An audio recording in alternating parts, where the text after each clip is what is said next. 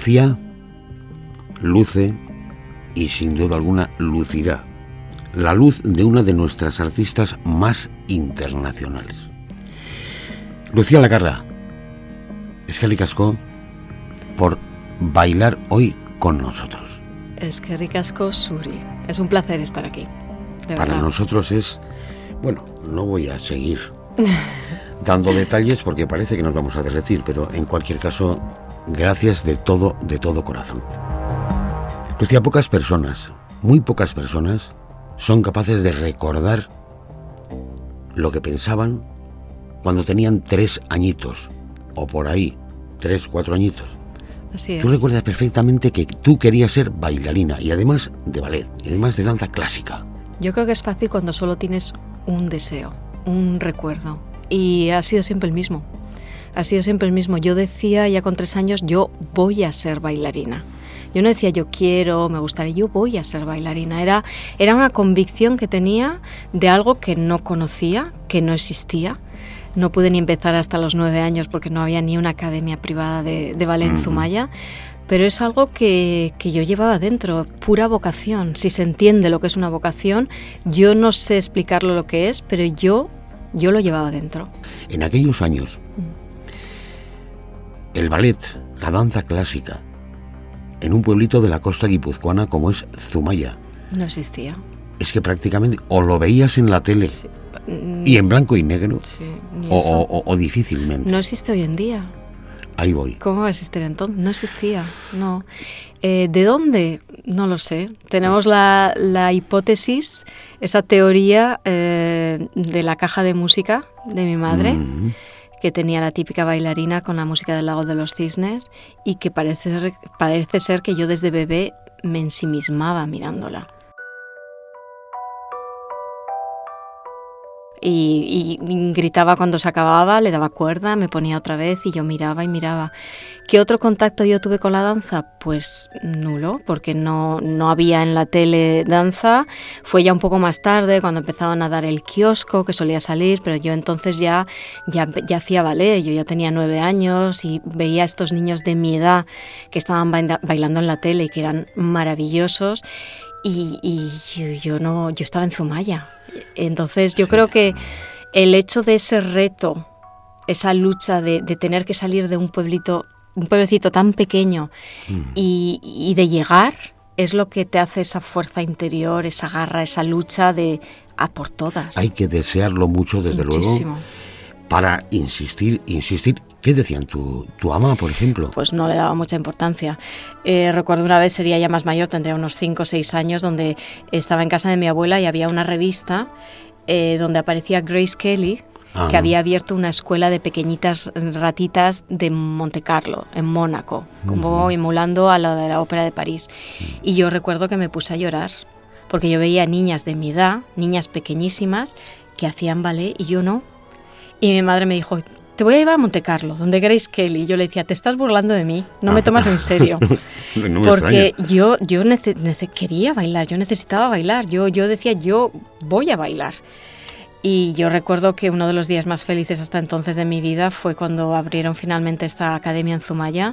Me agarré a la barra y puse una primera posición. Me enseñaron, me dijeron, esto es un dégagé tendu, segunda posición. Yo ya, para mí era bailarina profesional. Yo había llegado. Yo estaba haciendo ballet. Y, y finalmente luego ha sido una cuestión de mm, mi madre pues pues nada, yo estaba feliz y pues nada, la niña ya está feliz, va ballet y empezaban a decirle que tu hija tiene talento, eh, pero bueno, veía en Zumaya el nivel, veía a, la otro- a las otras niñas y decía, bueno, pues comparando, pues sí, la mía es más bonita, pero mi madre siempre ha tenido los pies muy, muy en la tierra. Eh, yo perdí mi padre con dos años en un accidente de coche, entonces Vaya era por ella sola. Vaya. Entonces tenía como las cosas muy, muy claras y no le pongáis pajaritos en la cabeza a mi hija, que bastante convencida está ya ella de que va a ser bailarina. Claro, y además supongo, Lucía, que siendo, como me, me comentas, eh, desconocía eh, lo de tu aita, tu ama, su chiquilla, Sí. Además yo era la pequeña. que elige una profesión que sí o sí le va a obligar a estar fuera, o Sí. sea, a estar fuera, digo, de su regazo, de, sí, de pero yo estar creo con que en ama. esa época mi madre ni se planteaba eso porque No. no, se creía. Mi madre tu hija es siempre la más bonita. Entonces miraba a las demás y decía, sí, pero esto es Zumaya. Entonces mi madre como muy realista, muy...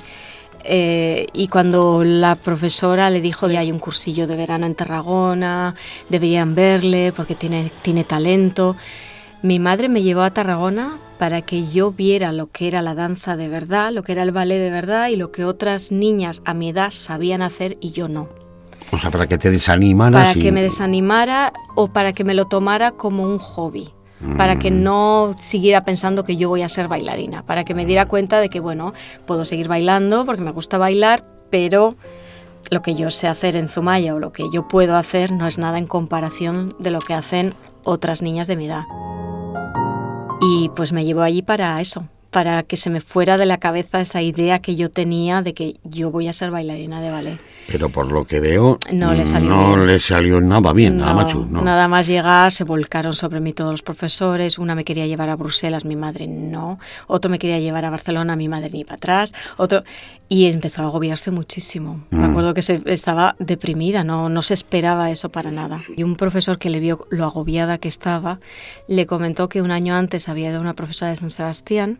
Dice, eso te queda más cerca, ¿verdad? dice, sí.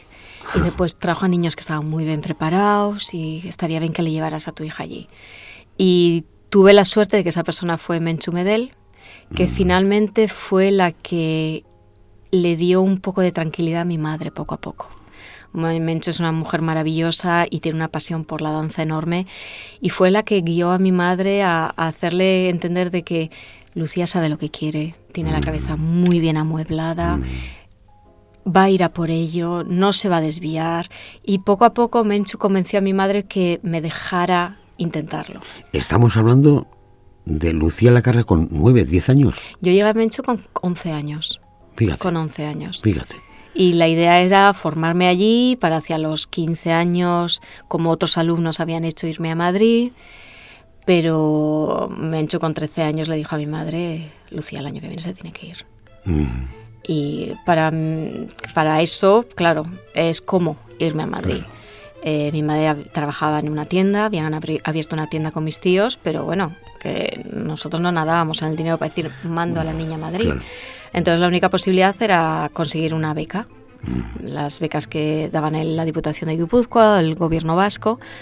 Pero claro, yo iba dos veces a la semana de Zumaya. Salía del cole, me llevaba un día mi, me llevaba mi tío en coche y tenía que salir del cole antes para poder llegar. Entonces eh, dijeron, Lucía, se tiene, tiene que hacer clase mínimo cuatro días a la semana para prepararse para la beca. Entonces la única posibilidad es que me quedara en Donosti. Me quedaba en San Sebastián de domingo a viernes, iba al colegio, hice octavo de GB, que es lo que hacíamos en la época, en el María de Enviocha de, del Gros, para poder ir a clase todas las tardes. Y yo yo estaba en un mundo en el que yo voy a bailar. Yo voy a bailar y voy a intentar conseguir una beca para irme a Madrid. Yo, o sea, no era ni pensaba en la realidad de lo que estaba viviendo, yo pensaba solamente en bailar. Y recuerdo que el primer domingo de septiembre, que me dejó mi madre en esa casa donde yo me iba a quedar con una señora que, que, que cuidaba de mí, me cayó todo de repente encima. ¿A qué te refieres?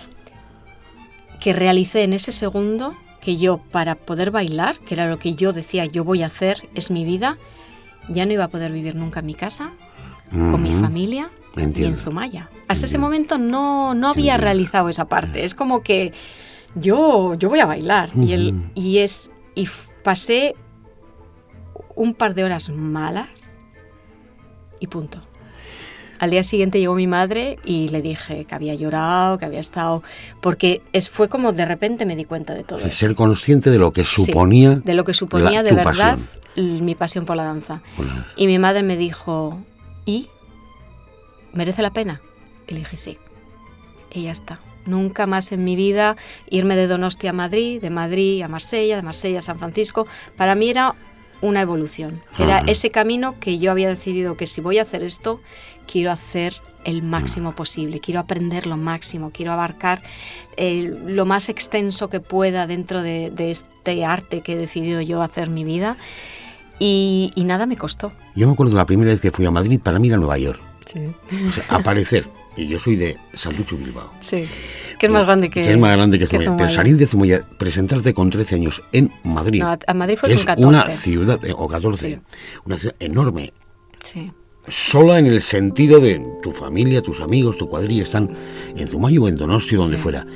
¿Cómo, cómo vive ese momento Lucía Lacarra? Pues para mí fue algo mágico.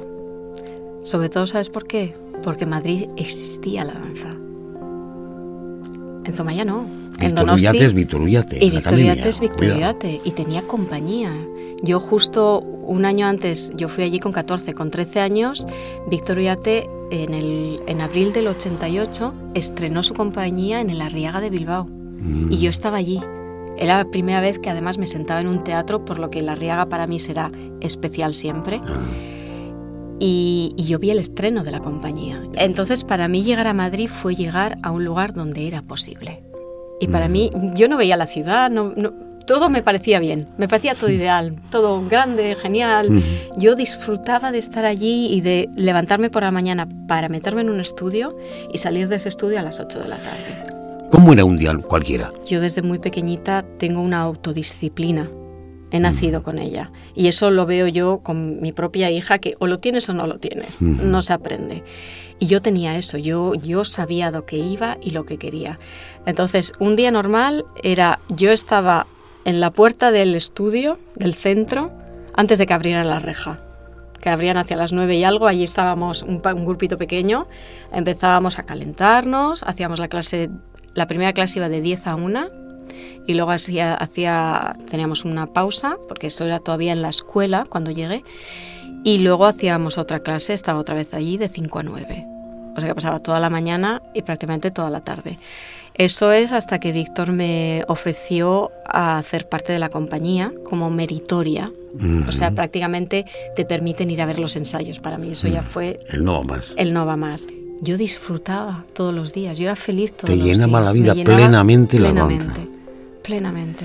Es increíble, bueno, no increíble, Sí. es comprensible, pero desde luego llamativo. Y digo yo, cuando ya te pones en serio, no ya meritoria, Sí. sino cuando ya te pones en serio y demás, ¿alguna vez has notado el miedo escénico, el, pan, el pánico, el, el- el miedo a, a fallar? No. Nunca. Nunca. Porque decidí hace mucho tiempo que si yo hago esto es simplemente por ese momento en el escenario. Y si no voy a disfrutarlo no me merece la pena.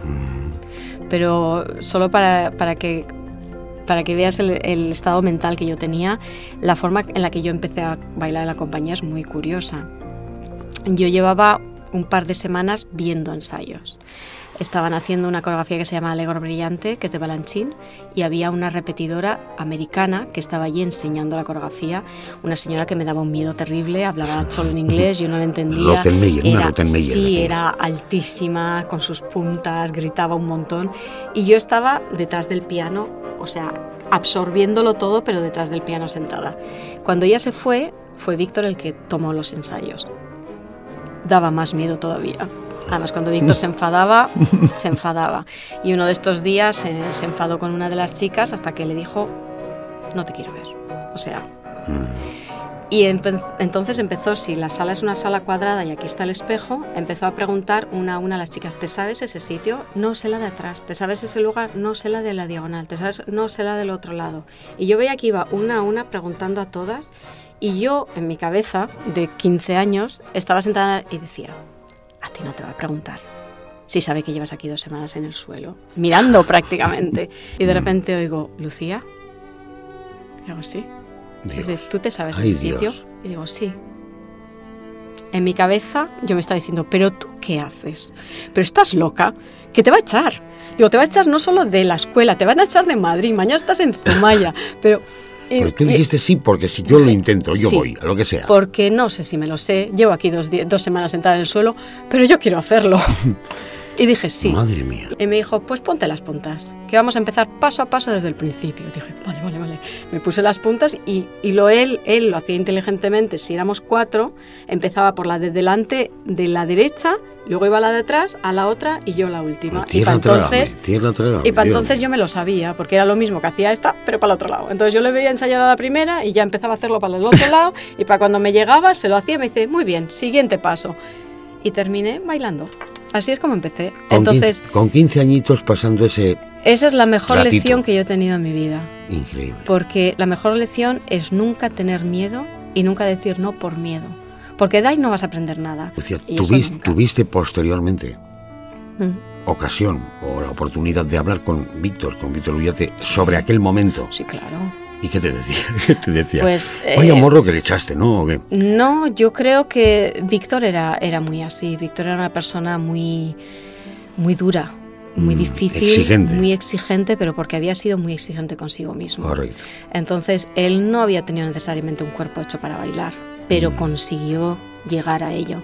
Entonces veía a este grupo, que nosotros habíamos llegado un grupo de, de- de chavales con un talento enorme, cómo no iba a ser exigente, porque él sabía lo que podíamos hacer. Entonces yo creo que em, ya desde el primer día que yo llegué a la escuela, me, me- me puso los ojos encima Mm. y, y por eso veía que yo tenía mucha madurez. Yo, A pesar de la edad, yo era vieja en mi persona- cabeza. Yo, yo sabía lo que quería y estaba súper centrada y súper autodisciplinada. Entonces, por eso me dijo con 15 años, vente a ver los ensayos de la compañía. Y cuando vio que dije que sí y que me lancé, dijo, esta lo tiene. ¿qué sacrificio tiene que haber Pues mira, sí, para cuidarte tanto? Digo porque tienes que tener una agilidad, tienes que tener una flexibilidad impecable Mm. para tu profesión. Pues imagino que si yo cuento mi vida, parecen sacrificios enormes a todo el mundo, pero para mí no lo ha sido. Porque yo, algo que te parece un sacrificio es algo que te ha costado hacer. correcto. Ah, yo he vivido mi sueño. Yo no tengo la impresión de que he trabajado un solo día de mi vida. Madre yo he ido a hacer lo que yo quería hacer.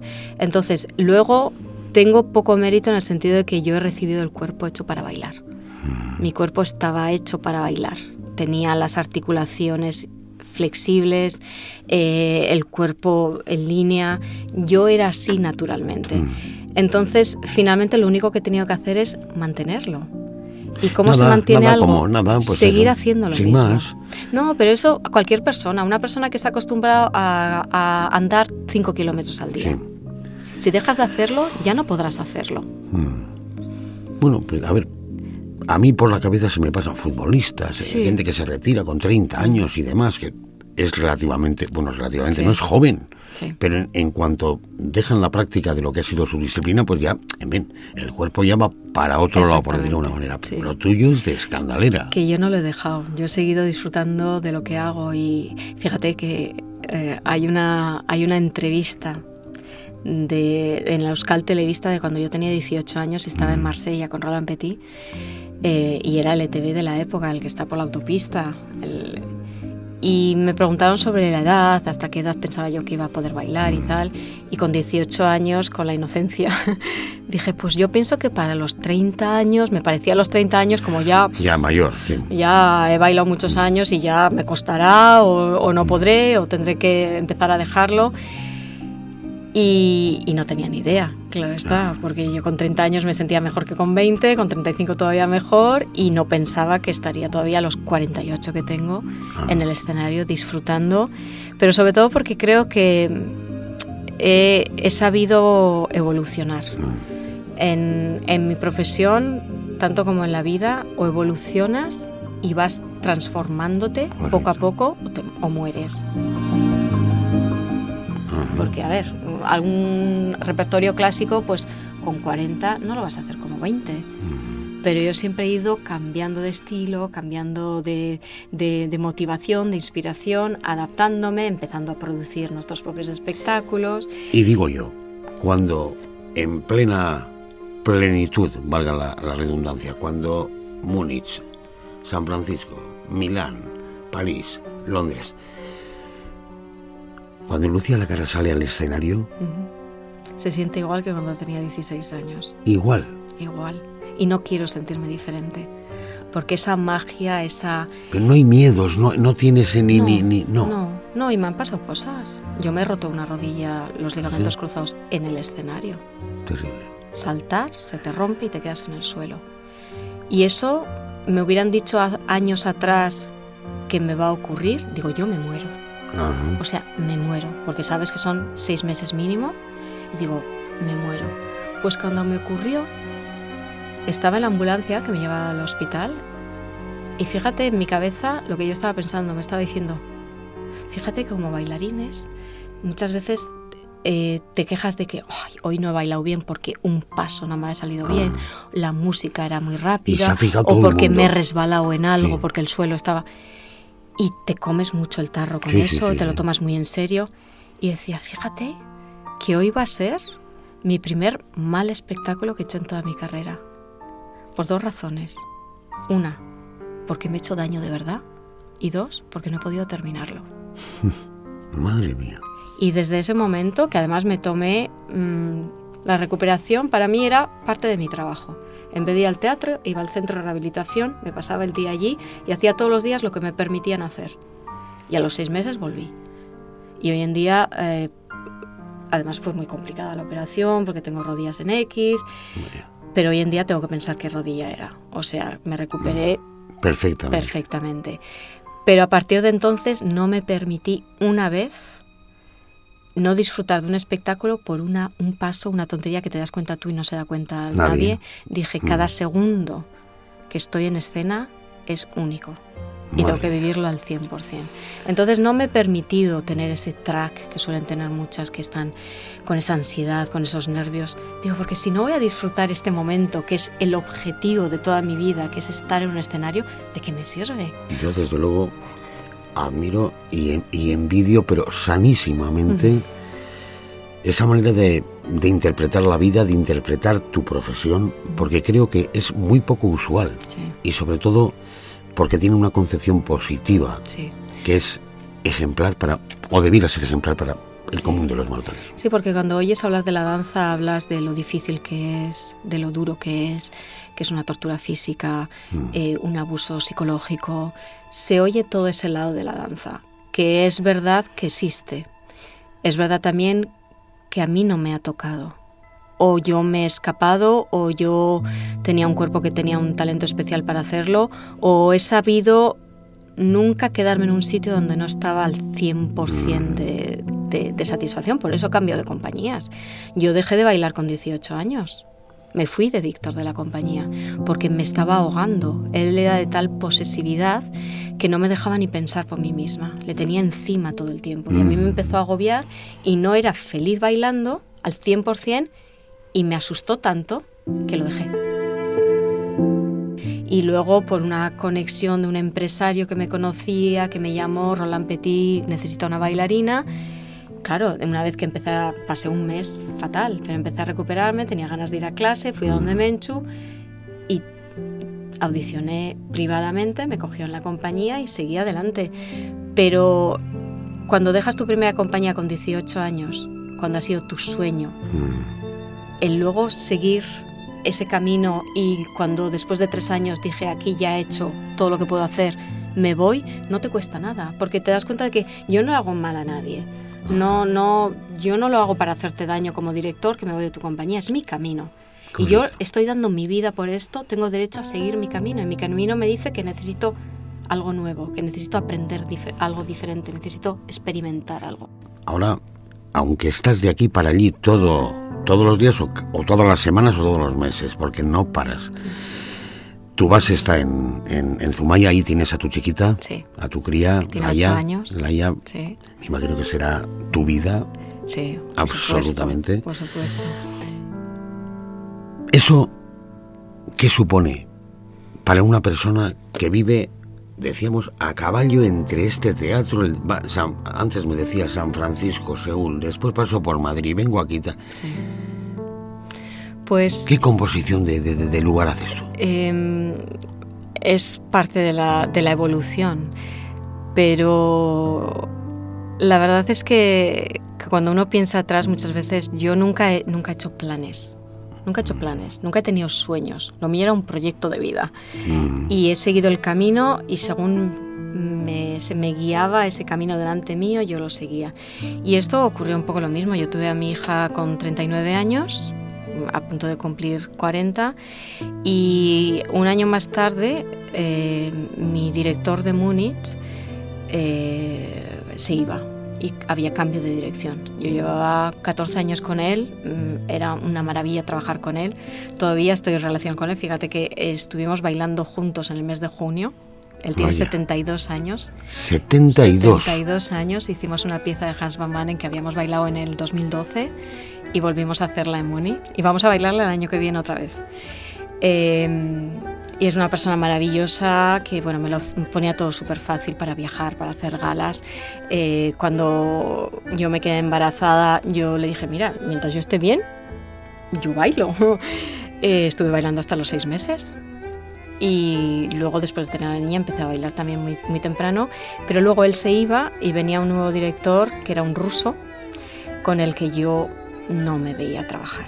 Tuve ah. varias reuniones con él, cada reunión iba peor una persona que no tenía, se ha hecho muy famosa además últimamente, eh, no tenía educación, no tenía respeto eh, y yo decía, yo voy a tener que estar tratando con esta persona o tener que sentarme delante de esta persona cuando ya no la aguanto antes de firmar el contrato.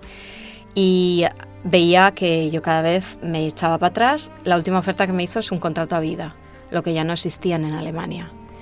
Eh, me dijo, trabaja, bailas dos años más, yo tenía 41 en ese momento, bailas dos años más y luego eres parte de mi equipo. Mm. Y eso fue para mí la frase. Para cualquier persona era el chollo de tu vida. Porque yo tenía. yo después de 14 años tenía el, el, sueldo más alto de la compañía y era mantener ese sueldo hasta que me retirara, con 60 y tantos, no sé cómo es en Alemania. Y a mí solamente esa frase le dije: Mira, Llevo desde los 15 años bailando en un escenario. Y si creo que tengo derecho a una cosa, solo a una cosa, después de todo esto, de todo este tiempo, es de elegir cuándo dejo de bailar. Voy a ser yo, no tú. Yo no he mm. pedido ser parte de ningún equipo y desde luego no vas a ser tú quien decida que dentro de esos años yo dejo de bailar. Así que no, gracias. Y no lo acepté. Entonces, eh, allí eh, me convertí en, en bailarina invitada del ballet de Dortmund pero bueno, yo iba a Dortmund solamente para el proyecto, la, la producción que hacía anualmente, anualmente hacía una producción diferente, y el resto del tiempo me empecé a acercar a Zumaya hasta que en el 2019 ya puse como base Zumaya porque mi hija ya eh, habíamos intentado antes de eso eh, dirigir durante unos meses la compañía de Víctor me llevé a la niña a Madrid, nos instalamos en Madrid, empadronamos en Madrid. La niña mm. empezó a ir a un colegio también de Madrid, pero iba también al mismo tiempo al colegio de Zumaya, cuando estábamos aquí allí. Y al final lo de Madrid no funcionó y la niña era mucho más feliz en Zumaya que Madrid, porque la libertad, la calidad de vida que tiene un niño en un pueblo pequeño no lo tienes en una ciudad. Con su mar, su playa, su todo. Y yo en el eh, me separé cuando la niña tenía tenía dos años, me separé, luego me divorcié, entonces estaba yo sola, custodia completa, porque el padre se desentendió por completo. Entonces estaba yo con la niña, entonces lógico, vuelves a tu raíz y la infancia feliz que yo tuve se la quería dar a mi hija y además mm. tengo toda la familia al lado, Tienes alrededor. un entorno que te y la niña está con, con, la, con la mona, con la mamá cuando, cuando yo estoy de viaje y eso es lo que hizo que yo volviera a casa. Y que lo que me ha dado la posibilidad, gracias a mi madre, de poder seguir bailando, porque si no es imposible, conciliarlo es imposible, sobre todo cuando estás siempre viajando tan lejos como voy yo. Y podría ser, podríamos albergar la esperanza de que algún día las chiquillas o los chiquillos que tengan esa afición por la danza clásica, por el ballet y demás, aquí en el País Vasco, mm. en Euskadi, tengan un centro de referencia, una escuela mm. con la calidad, la categoría que se pueda llamar Escuela Lucía Lacarra. Pues mira, yo em, soy más de las que toma decisiones y hace cosas que de las de que se queja que no hay, no hay ayuda, no hay apoyo, no hay escuelas, no hay no hay un referente, no hay una compañía. Em, yo soy de las que soy muy decidida y desde que volví al País Vasco creé una compañía de producción junto con mi pareja Matthew Golding, que llevamos cuatro años juntos, y creamos nuestros dos primeros espectáculos durante la pandemia. El primero fue confinados. Yo estaba en Zumaya, él se había ido unos días a Ámsterdam y nos quedamos separados. Y creamos todo por, por teléfono.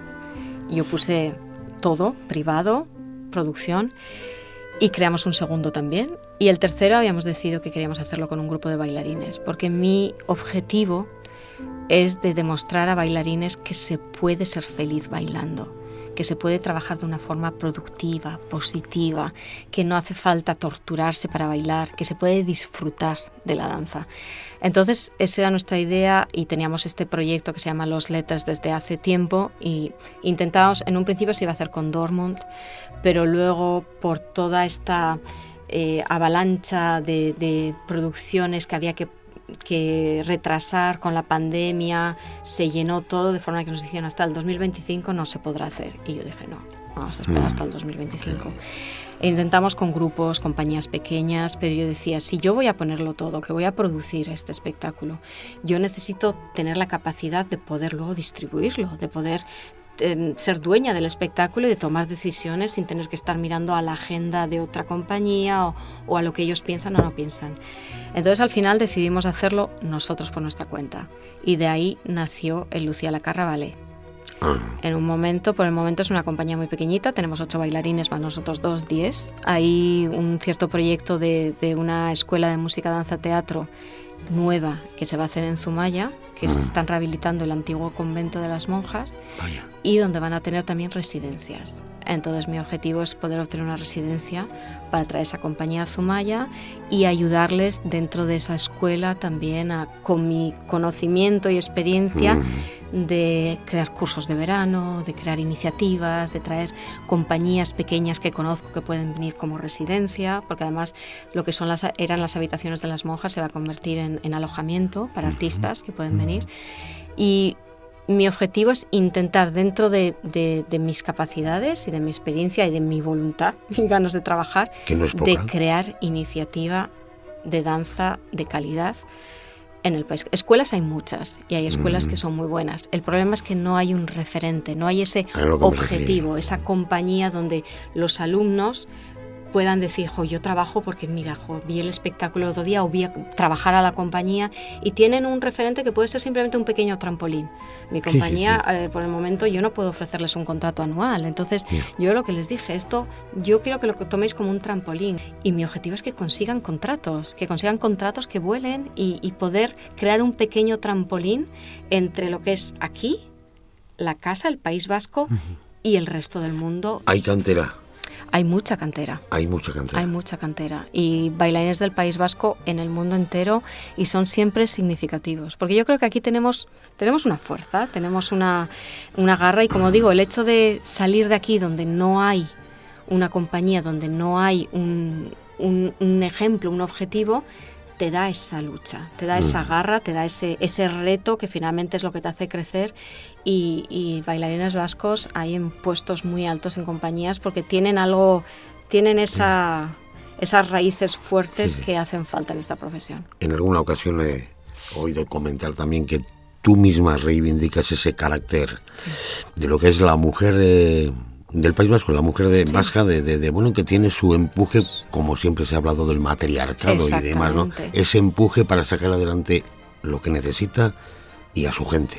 Las mujeres son lo que han sacado las familias adelante, ah. las que gestionaban el sueldo del marido, las que sacaban los hijos adelante con lo que había y, en cierto sentido eh, son mujeres luchadoras, las mujeres vascas. Y yo eso, eso lo llevo en otro ámbito completamente diferente, pero como luchadora no me gana nadie. Vamos, no queda la menor duda, en el ADN, pero a macho martillo. Lucía, un auténtico placer. El placer ha sido completamente mío. Realmente ya es, no sé, quedarse corto, dedicarte todos los éxitos posibles en la labor que tengas en las próximas semanas, meses, años, pero sobre todo gracias por la ejemplaridad de una vida dedicada a una pasión desde que tienes uso de razón. Y me ha salido un pareado. Absolutamente. Desde que tenías uso de razón desde los tres añitos. Lucía, es que ricasco, Milles Karsuri, Benetan. Estoy aquí, presentado por Julio Ibarra Dirigido por Maite Ibáñez y Eva Mateo. Producido por Miren Esparza. Editado por Asier Elguezua. una producción de New Digital Media Euskadi para ITV Podcast.